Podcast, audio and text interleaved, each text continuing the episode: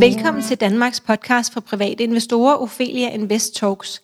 Mit navn det er Sara Ophelia Møs, og jeg driver Ophelia Invest og forlader penge med mit meget engagerede team. Vores mission det er at skabe rum for læring, og vores vision det er, at alle danskere ved, at investeringer bordet, hvis vi altså vil det.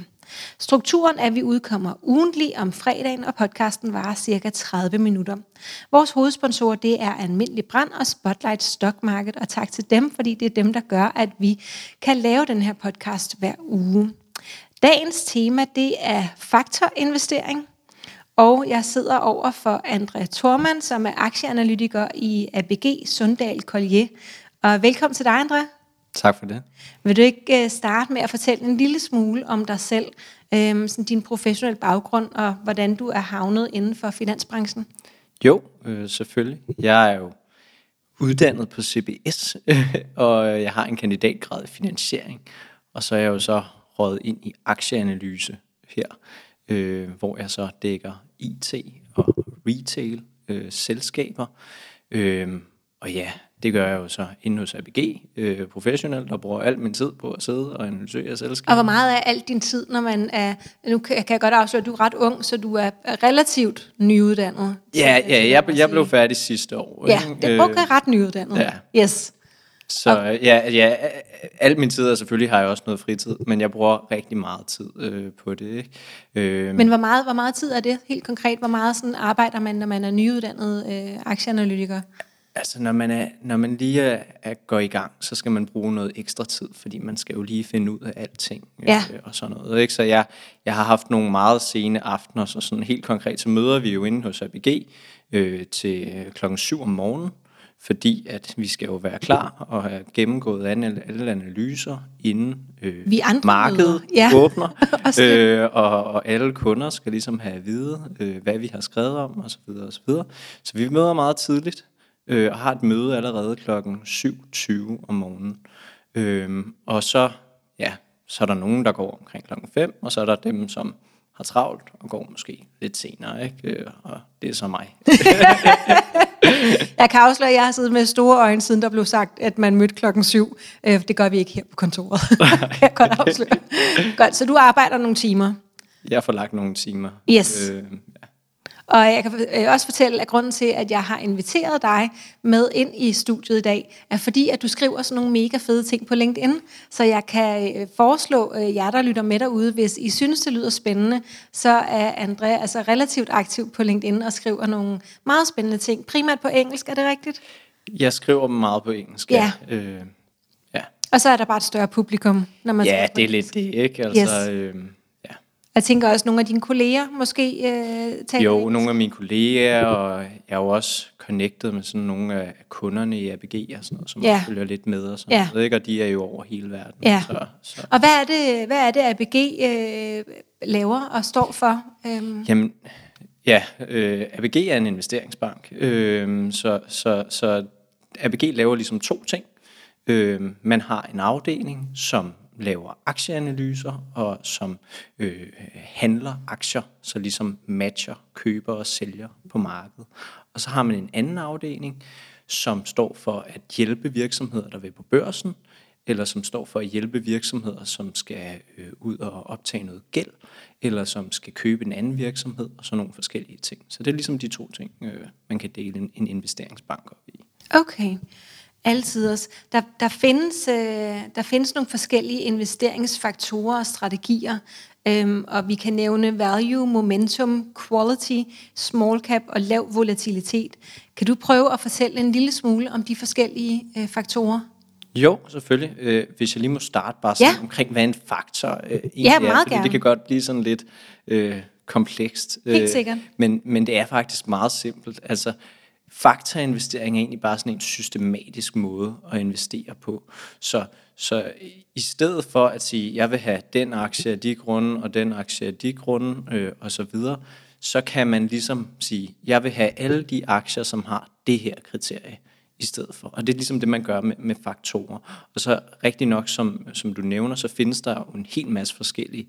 Altså faktisk så i 2018, så blev der skrevet øh, 400 papirer om 400 forskellige faktorer. Øh, bare i sådan anerkendte... Så et papir om hver? Hvad for noget? Så altså, der var en artikel om hver faktor. Ja, præcis. de Og 400. fordi at der, der er en masse, der kigger på alle mulige fak- faktorer. Ikke? Så der, er sådan lidt, der kan være gået lidt rundhyl i den nogle gange. Ikke? Og, og, og Lidt hvad, siger du? sådan lidt rundhyl i den. Du ved, så prøver man bare at finde en eller anden faktor for et Okay. eller andet, og prøver at investere efter det her, og virker det, og så virker det her, og så videre, og så videre. Og mange af de her papirer, de, er sådan, de gør det, man kalder data mining. Det bliver også sådan lidt komplekst, men så, så har man en eller anden idé om noget virker, og så så ruder man lidt med dataen, og så får man det til at se godt ud. Okay. Øh, men der er også de her faktorer, som du nævner, altså de anerkendte value, momentum, øh, kvalitet øh, og, og lav risiko. Øh, og hvis vi bare lige går igennem, så mm. value, det er, det er egentlig meget simpelt. Det betyder at købe øh, noget øh, billigt, øh, systematisk. Øh, og så kan man måle, hvad der er billigt på en masse forskellige måder. Ikke? De, den gængse måde at gøre det på, det er ud fra, øh, hvad er den bogførte værdi i forhold til en pris, øh, eller hvad er indtjeningen i forhold til en pris. Altså I kender de her nøgletal som price-øgning og sådan noget. Nogle få kender nogle Ja. ja. nøgletal. Rigtig mange af os kender ikke nøgletal. Nej, okay. Men det er altså nogle fundamentale nøgletal, som man finder i regnskaber, eller regner sig frem til via regnskaber. Er det rigtigt? Så du tager prisen, og så holder du den relativt til et eller andet, du fælder i regnskabet. Ja.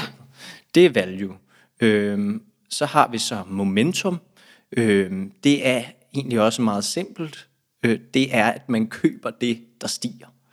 Øhm, så, så det man ligesom gør, det er at eksempelvis, øh, det er at man siger, hvad er steget inden for de sidste 12 måneder? Hvad har et gennemsnitligt afkast over 0? Det køber vi. Okay. Ikke? Så, så det er sådan meget simpelt. Øh, så er der kvalitet. Den bliver sådan lidt mere kompleks. Mm. Fordi at, hvad er en kvalitetsaktie? Øh, og der er en hulens masse, der har prøvet at finde ud af det, men, men der er nogle rigtig gode studier, der ligesom har prøvet at samle op på at sige, okay, der er lavet alle de her forskellige ting, som kalder sig kvalitet, men hvis vi nu tager det hele og siger, og summer det sammen, hvad er så kvalitet? Og, og der kommer man frem til, at det er fire ting. Det er selskaber, der har en god profitabilitet, altså som er gode til at tjene penge. Det er selskaber, som udbetaler øh, øh, gode udbytter og laver aktietilbagekøb. Det er selskaber, som har en høj øh, regnskabskvalitet. Og øh, den sidste ting, det er, at det er selskaber, som investerer relativt sjældent. Altså ikke investerer, laver en masse små opkøb, man laver nogle få større eller mindre opkøb. Ikke? Øh, Så hvad så med sådan et selskab som DSV? Køber de for meget op til at være et kvalitetsselskab? Nej, det gør de nok ikke, fordi det er også sådan en vægtet ting. Ikke? Øh, Jeg er sikker på, at, at, at, at DSV også vil komme under en kvalitetshat. i- Så er der nogle i tommelfingerregler i forhold til, hvor, øh, hvor ofte man må købe noget? Det er der garanteret. Okay. Jeg, jeg kan ikke huske sådan præcis hvor meget, men Det er okay. men det, er sådan, man, man, det man jo typisk gør, det er, at man siger, hvem køber mest, og hvem køber mindst, og så ligner det, at dem, der køber mindst, de performer bedre. Så det, det er sådan et relativt spil, ikke? Okay. Øh, på den måde. Yes. Kom vi igennem alle fire? Øhm, Eller manglede vi en til? lav volatilitet. Lav volatilitet, den er også lidt svær. Øh, det er det, man investerer i efter øh, lav volatilitet. Det, det, det er egentlig ikke rigtig- rigtig lav volatilitet, det er sådan lav risiko. Ja. Og, og, og det, man investerer efter, det er, at man køber selskaber, som har en som ikke svinger så meget med markedet. Altså, når økonomien øh, går op, så går de ikke nødvendigvis lige så meget op, og når økonomien går ned, så går de ikke lige så meget ned. Altså Okay. det, der hedder defensive aktier. Ikke? Ja. Øh, og det er også Det er selskaber... mere stabilt. Ja, lige præcis. Øh, stabil forbrug er et eksempel på en defensiv øh, kategori. Så Nestlé-aktien, den, vil være, den ligger nærmest på en snor. Ja, lige præcis. Sådan en, en Nestlé eller en Ørsted eller ja. sådan nogle. Ikke?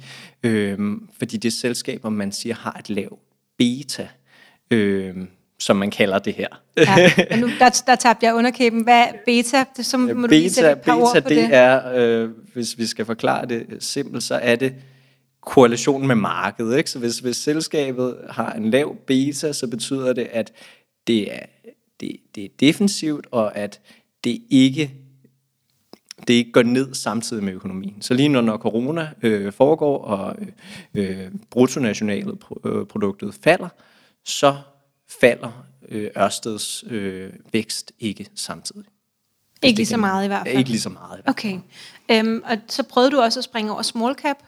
Small cap? Ja, ja, undskyld. Men det er også fordi, den er så, den er så nem. Ikke? Altså det, det betyder, altså det, det er bare en faktor, som, som siger, at hvis du køber små selskaber, så er det en tendens til at klare sig bedre end store selskaber. Okay, hvad går det ud på? Hvorfor skulle de klare sig bedre end store selskaber? Ja, det, det kan der jo være forskellige grunde til. En af grundene er sådan noget med markedsefficiens. Så, så hvor mange øjne er der på aktierne? Der er altså, ikke så mange øjne. Der er ikke lige så mange, der kigger på de små selskaber som på de store. Hvis vi kigger på sådan analytiker verdenen, så er der jo en hel masse øh, analytikere, der dækker et selskab som Ørsted. Rigtig mm. mange, der hele tiden sidder og fifler med tallene. Ikke? Ja. Mens, og ikke fifler med tallene, men læser tallene. Ja, læser tallene. Ikke fifler. Det gør vi aldrig. Men man altså sidder og laver sine estimater og prøver yes. noget forskelligt ting. Yes. Mens et lille selskab som, hvad ved jeg, hvad har vi? En Seabrain. Der er for eksempel ikke nogen analytikere, der dækker det selskab. Nej. Øhm, som måske... Så der kunne godt ligge noget potentiale, fordi der ikke er nogen, der ja, kigger på det. det. De, de, de, man har ligesom ikke set det hele, vel? Nej. Øh, man, har ikke, man ved ikke alt ude på markedet. Nej. Øh, man har en chance for at vide noget, som andre ikke ved. Og så kan man sige, hvis man så er en, øh, en investeringsforening, og man har en fond, der går efter small cap aktier, så analyserer man jo de aktier. Bare jeg kunne forestille mig, at der måske er nogen, der sidder og lytter med, og så tænker, ah, der er ingen, der kigger på de små aktier, dem kan jeg roligt købe. Men mm vi skal jo lige undersøge de aktier, for der er ikke nogen andre, der har gjort det. Ja, ja, altså, jo jo, helt sikkert. Altså, og, og bare fordi der ikke er analytikere på en aktie, er der stadig, altså, der er stadig masser, der kigger. Altså, markedet er stadig rigtig godt, ikke? Men, men der er bare lidt færre, der kigger.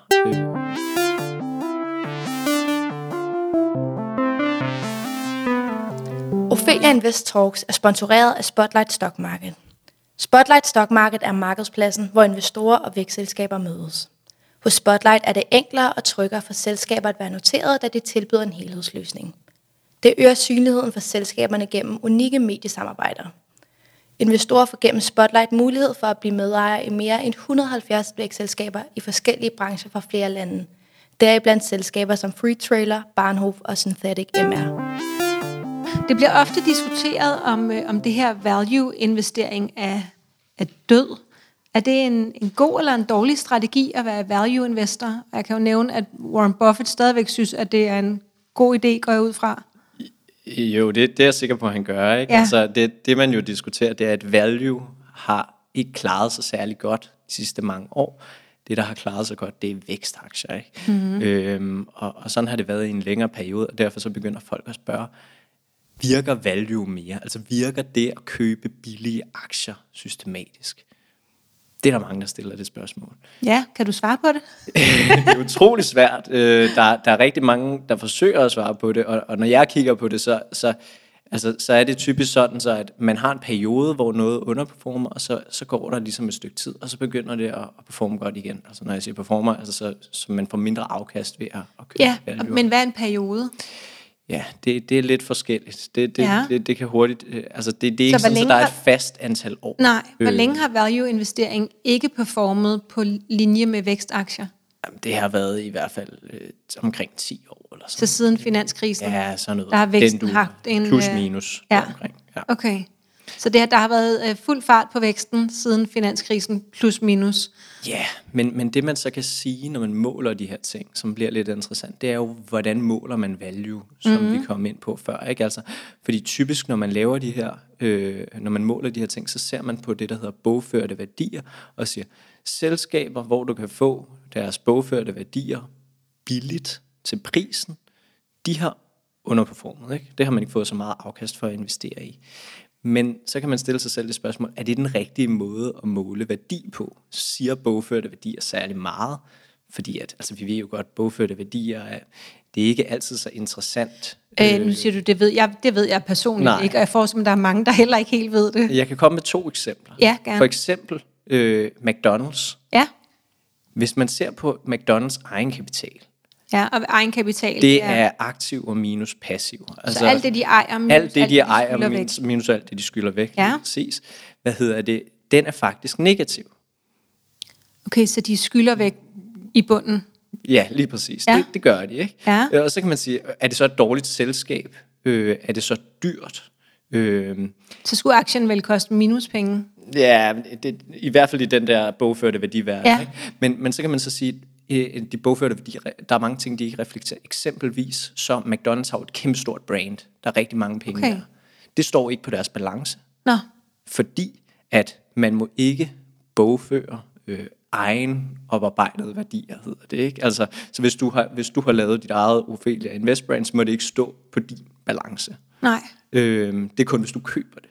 Så, Okay. så eksempelvis står Nej, det- okay, så det er jo snyd, men når den sidste lige kom på, der hvis jeg nu havde betalt penge for det, så måtte man godt, så hvis McDonald's havde købt sig til deres brand, så måtte de godt skrive det på regnskaberne. Altså, det, der er jo sikkert en masse regler omkring det her, Ja, ikke? men ja. ja. forestil dig, at McDonald's havde købt en eller anden øh, lille øh, restaurant, øh, som også havde et stærkt brand. Ja, Så havde det stået som en brandværdi mm. på balancen. Ikke?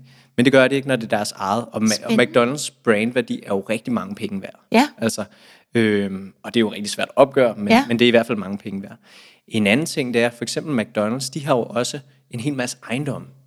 ja. De ejer jo øh, alle de her restauranter. Mm-hmm. Men øh, i og med, at McDonald's er jo en rigtig gammel virksomhed, så øh, har de jo afskrevet de her ejendomme for lang tid siden. Men de ejer dem stadig. De ejer dem stadigvæk. Og de er penge værd. Præcis, men de står ikke på balancen. Så det vil sige, at den bogførte værdi, du har, den, den reflekterer ikke rigtigt. Hvad er det så, der, nu vil jeg, så vil jeg jo gerne vide, hvad er det så, der reflekterer den reelle Ja, værdi? ja men det kan, man- det kan man så diskutere. Ikke? Noget, jeg rigtig godt kan lide at se på, det er det, er det, det frie cashflow, kalder man det, i forhold til prisen. Og det lyder meget komplekst, men, men det er egentlig meget simpelt.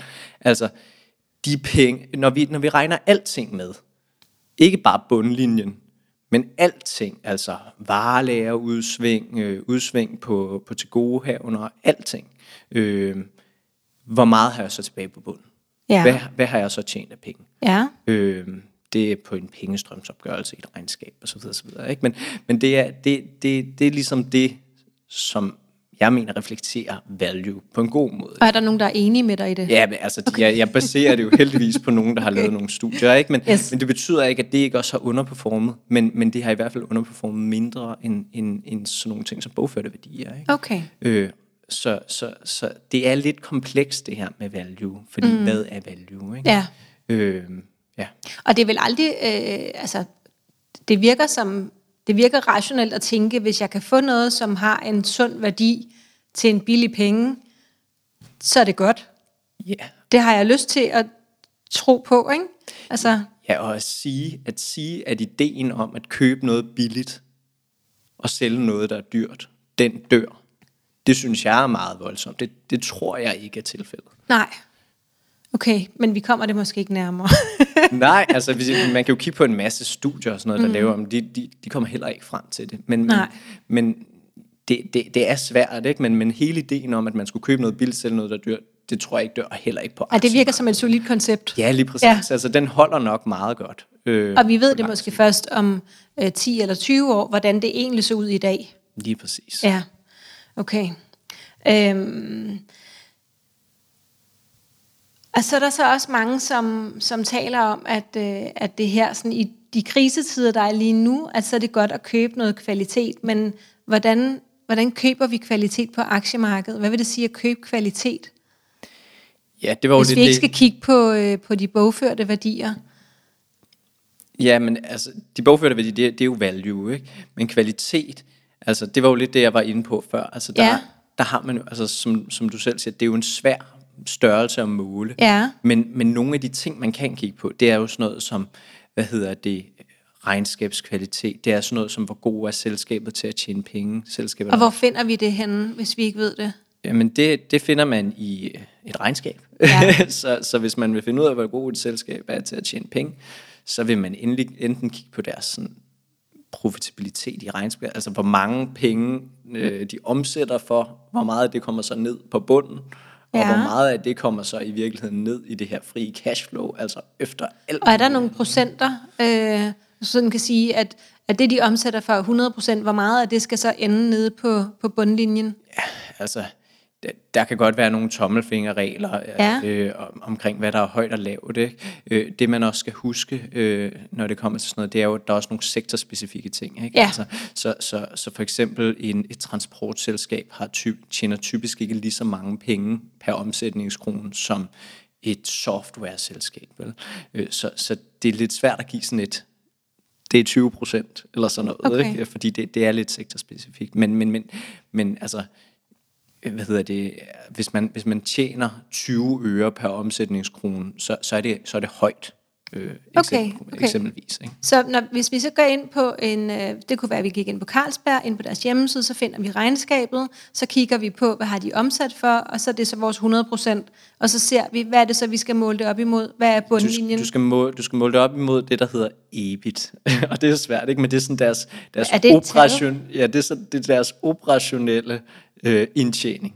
Så, Ja. så når man kigger i en, i en resultatopgørelse, så har man jo en række forskellige linjer. Ikke? Man har en omsætning. Så Og har jeg man, tror, det bliver, jeg tror, Ja. det, det føles allerede, det bliver allerede for mig svært. her. Ja, men, okay. men, men det, der er vigtigt... Hvis man nu gerne vil vide mere om det, har du så nogle steder, man kan læse? Jamen, Jeg er sikker på, at sådan noget står i dine bøger. Øh, Øh, vi har selvfølgelig selv den lille guide til fundamental analyse. Ja. Det, det kunne være et sted at starte. jeg tror... Øh, jeg har ikke læst den, desværre. Jeg skal nok gøre det. Men, Ja, men, du får en med hjem. Men der er ikke nogen artikler eller noget, hvor man sådan hurtigt kan... Jeg er sikker på, klogere. at, at, at der er det. Jeg har dem ikke lige så. Nej, okay. Øh, men- Godt. Okay.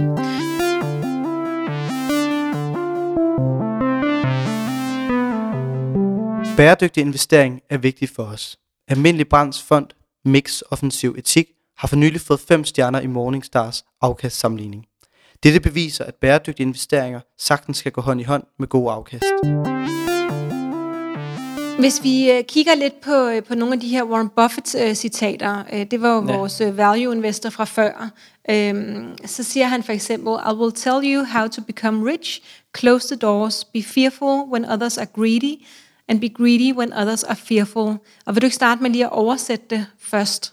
Jo, øh, det kan jeg godt. Øh, hvad hedder det? Jeg vil fortælle jer, hvordan man bliver rig. Luk jeres døre. Øh, vær frygtsom, når andre er grådige. Og vær grådige, når andre er frygtsomme. Og hvad ligger der i det citat? Jamen, der ligger jo lidt øh, det i det, at, at man ligesom skal putte tingene lidt under hovedpuden, så at sige. Ikke? Altså, lad være med at kigge på daglige udsving på aktiemarkedet, lad være med at blive for øh, nervøs, øh, når, der, når der sker ting. Hellere øh, investere over det lange sigt, som vi jo ved. Altså, en, en Warren Buffett, han er jo ganske kendt for, for det her med at købe og holde aktier øh, på lang sigt. Ikke? Øh, så, så, så det er jo sådan set lidt det, der, der, der ligger i det her øh, citat. Og jeg synes, at det er et fantastisk citat. Altså, Ja. det, det, det, siger, det fortæller meget godt en historie. Ikke? Ja. Lad os prøve at tage øh, det næste her. Risk comes from not knowing what you're doing. Hvordan kan også private investorer bruge det citat?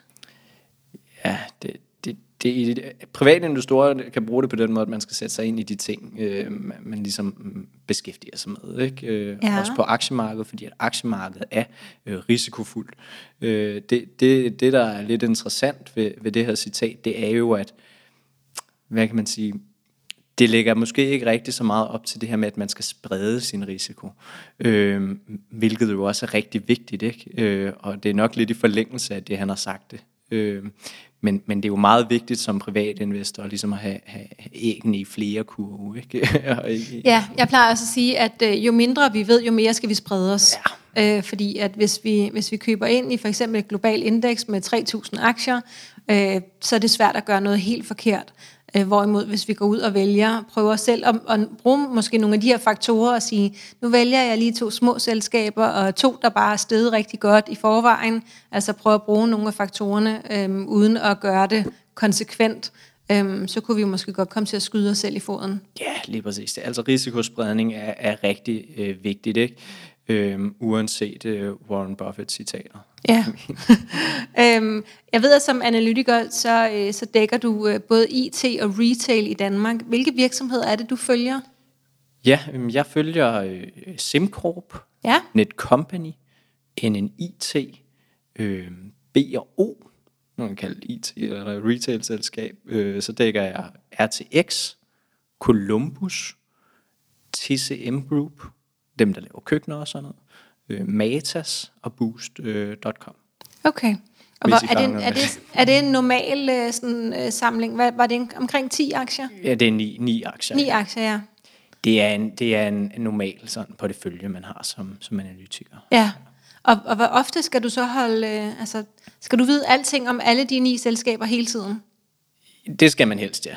Okay. Øh, det, det er det, vi bliver betalt for. Ikke? Ja. Øh, Så, så, så vi sidder jo rigtig, rigtig tæt på de her selskaber. Ja. Vi taler rigtig meget med selskaberne, øhm, og vi sørger for at selvfølgelig kende selskaberne fuldstændig i dybden, he- helt ned i detaljen, og derudover også at kigge på sådan, sådan noget, som jeg rigtig godt kan lide, at kigge på sådan alternative datapunkter, kan man kalde det, at kigge på. Ikke? Altså selvfølgelig ting ude i verden, som kan sige noget om, hvordan det her selskab kommer til at klare sig. Ikke? Mm. Øhm, det, det, det er meget vigtigt. Så, så når du nu får et nyt selskab, nu fortalte du, at, øh, at du havde fået Matas øh, også for nylig. Ja.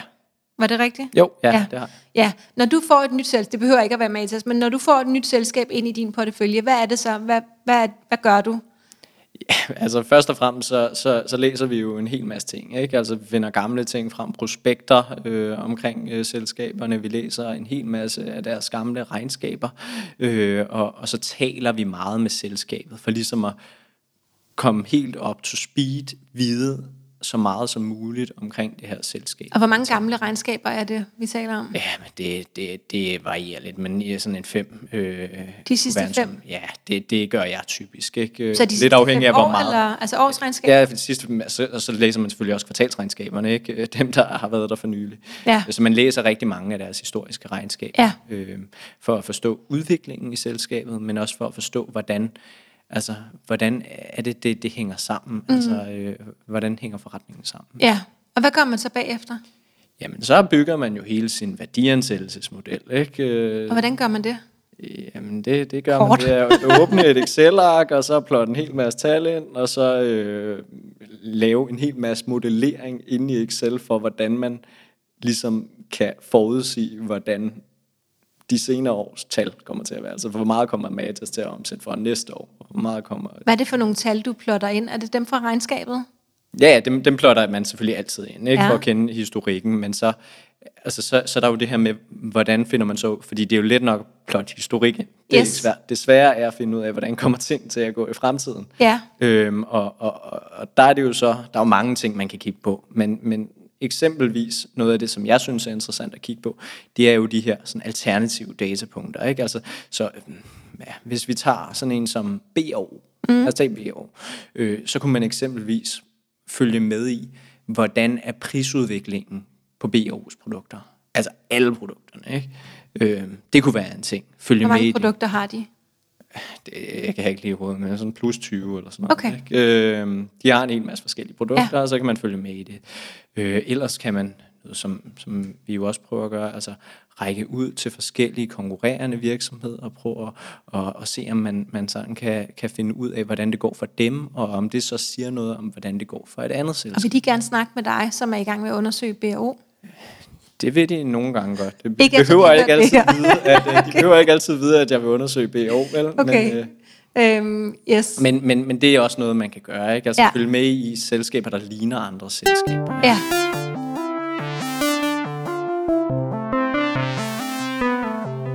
På opheliainvest.dk har du gratis adgang til et stort udbud af artikler, videoer og platformsanmeldelser, der lede dig på rette vej. På hjemmesiden finder du også vores eventkalender, der holder dig opdateret på vores foredrag og events. På hjemmesiden kan du blive klogere på teknisk og fundamental analyse, og her har vi ligeledes fanen ugen, der gik, hvor du kan blive opdateret på aktiemarkedets seneste højdepunkter. Ophelia Invest, vi skaber rum for læring. Altså, det lyder jo super spændende, men også øh, som noget, hvor man skal læse rigtig meget, som måske er lidt kedeligt. Ej, det er jo ikke kedeligt, men man skal, man skal læse øh, meget, og man skal skrive ja. meget, fordi man skriver mange rapporter. Altså, det er jo fint nok, at jeg ved noget, men det er jo vigtigt, at vi kommunikerer noget Er det ikke det, du får penge for? kunder. Der er nogen, der skal vide det Præcis. også. Der er, nogen, Yes. der, der er nogen, der skal have den viden. Ikke? Og, og hvor ofte skal du så skrive en rapport på hver af dine ni selskaber? Man skriver altid en rapport før regnskabet, og så skriver man en rapport efter regnskabet. Ja. Derudover så skriver man også nogle mellemliggende rapporter, altså typisk øh, øh, sådan nogle lidt større analyser af et eller andet specifikt. Øh, det gør man så imellem regnskabsperioderne, for der har man mere tid. Ikke? Ja. Øh, når der er regnskaber, har man typisk rigtig travlt øh, som analytiker. Ja.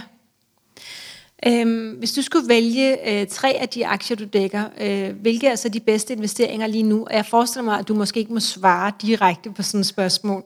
Så kan du prøve at, øh, at snakke lidt rundt om nogle af de selskaber, du, øh, du sidder med? Altså vores, vores, vores anbefalinger er sådan rimelig offentlige, kan man sige. Ikke? Men, men ja, jeg vil helst undgå at sådan gå specifikt ind i, i, i nogle Ja. ja. befalinger. Men, men, men man kan sige, det der sker i mine sektorer nu, det er jo faktisk lidt interessant, fordi det er to øh, lidt forskellige ting. IT-selskaber har ikke været øh, så hårdt øh, ramt i den her coronakrise.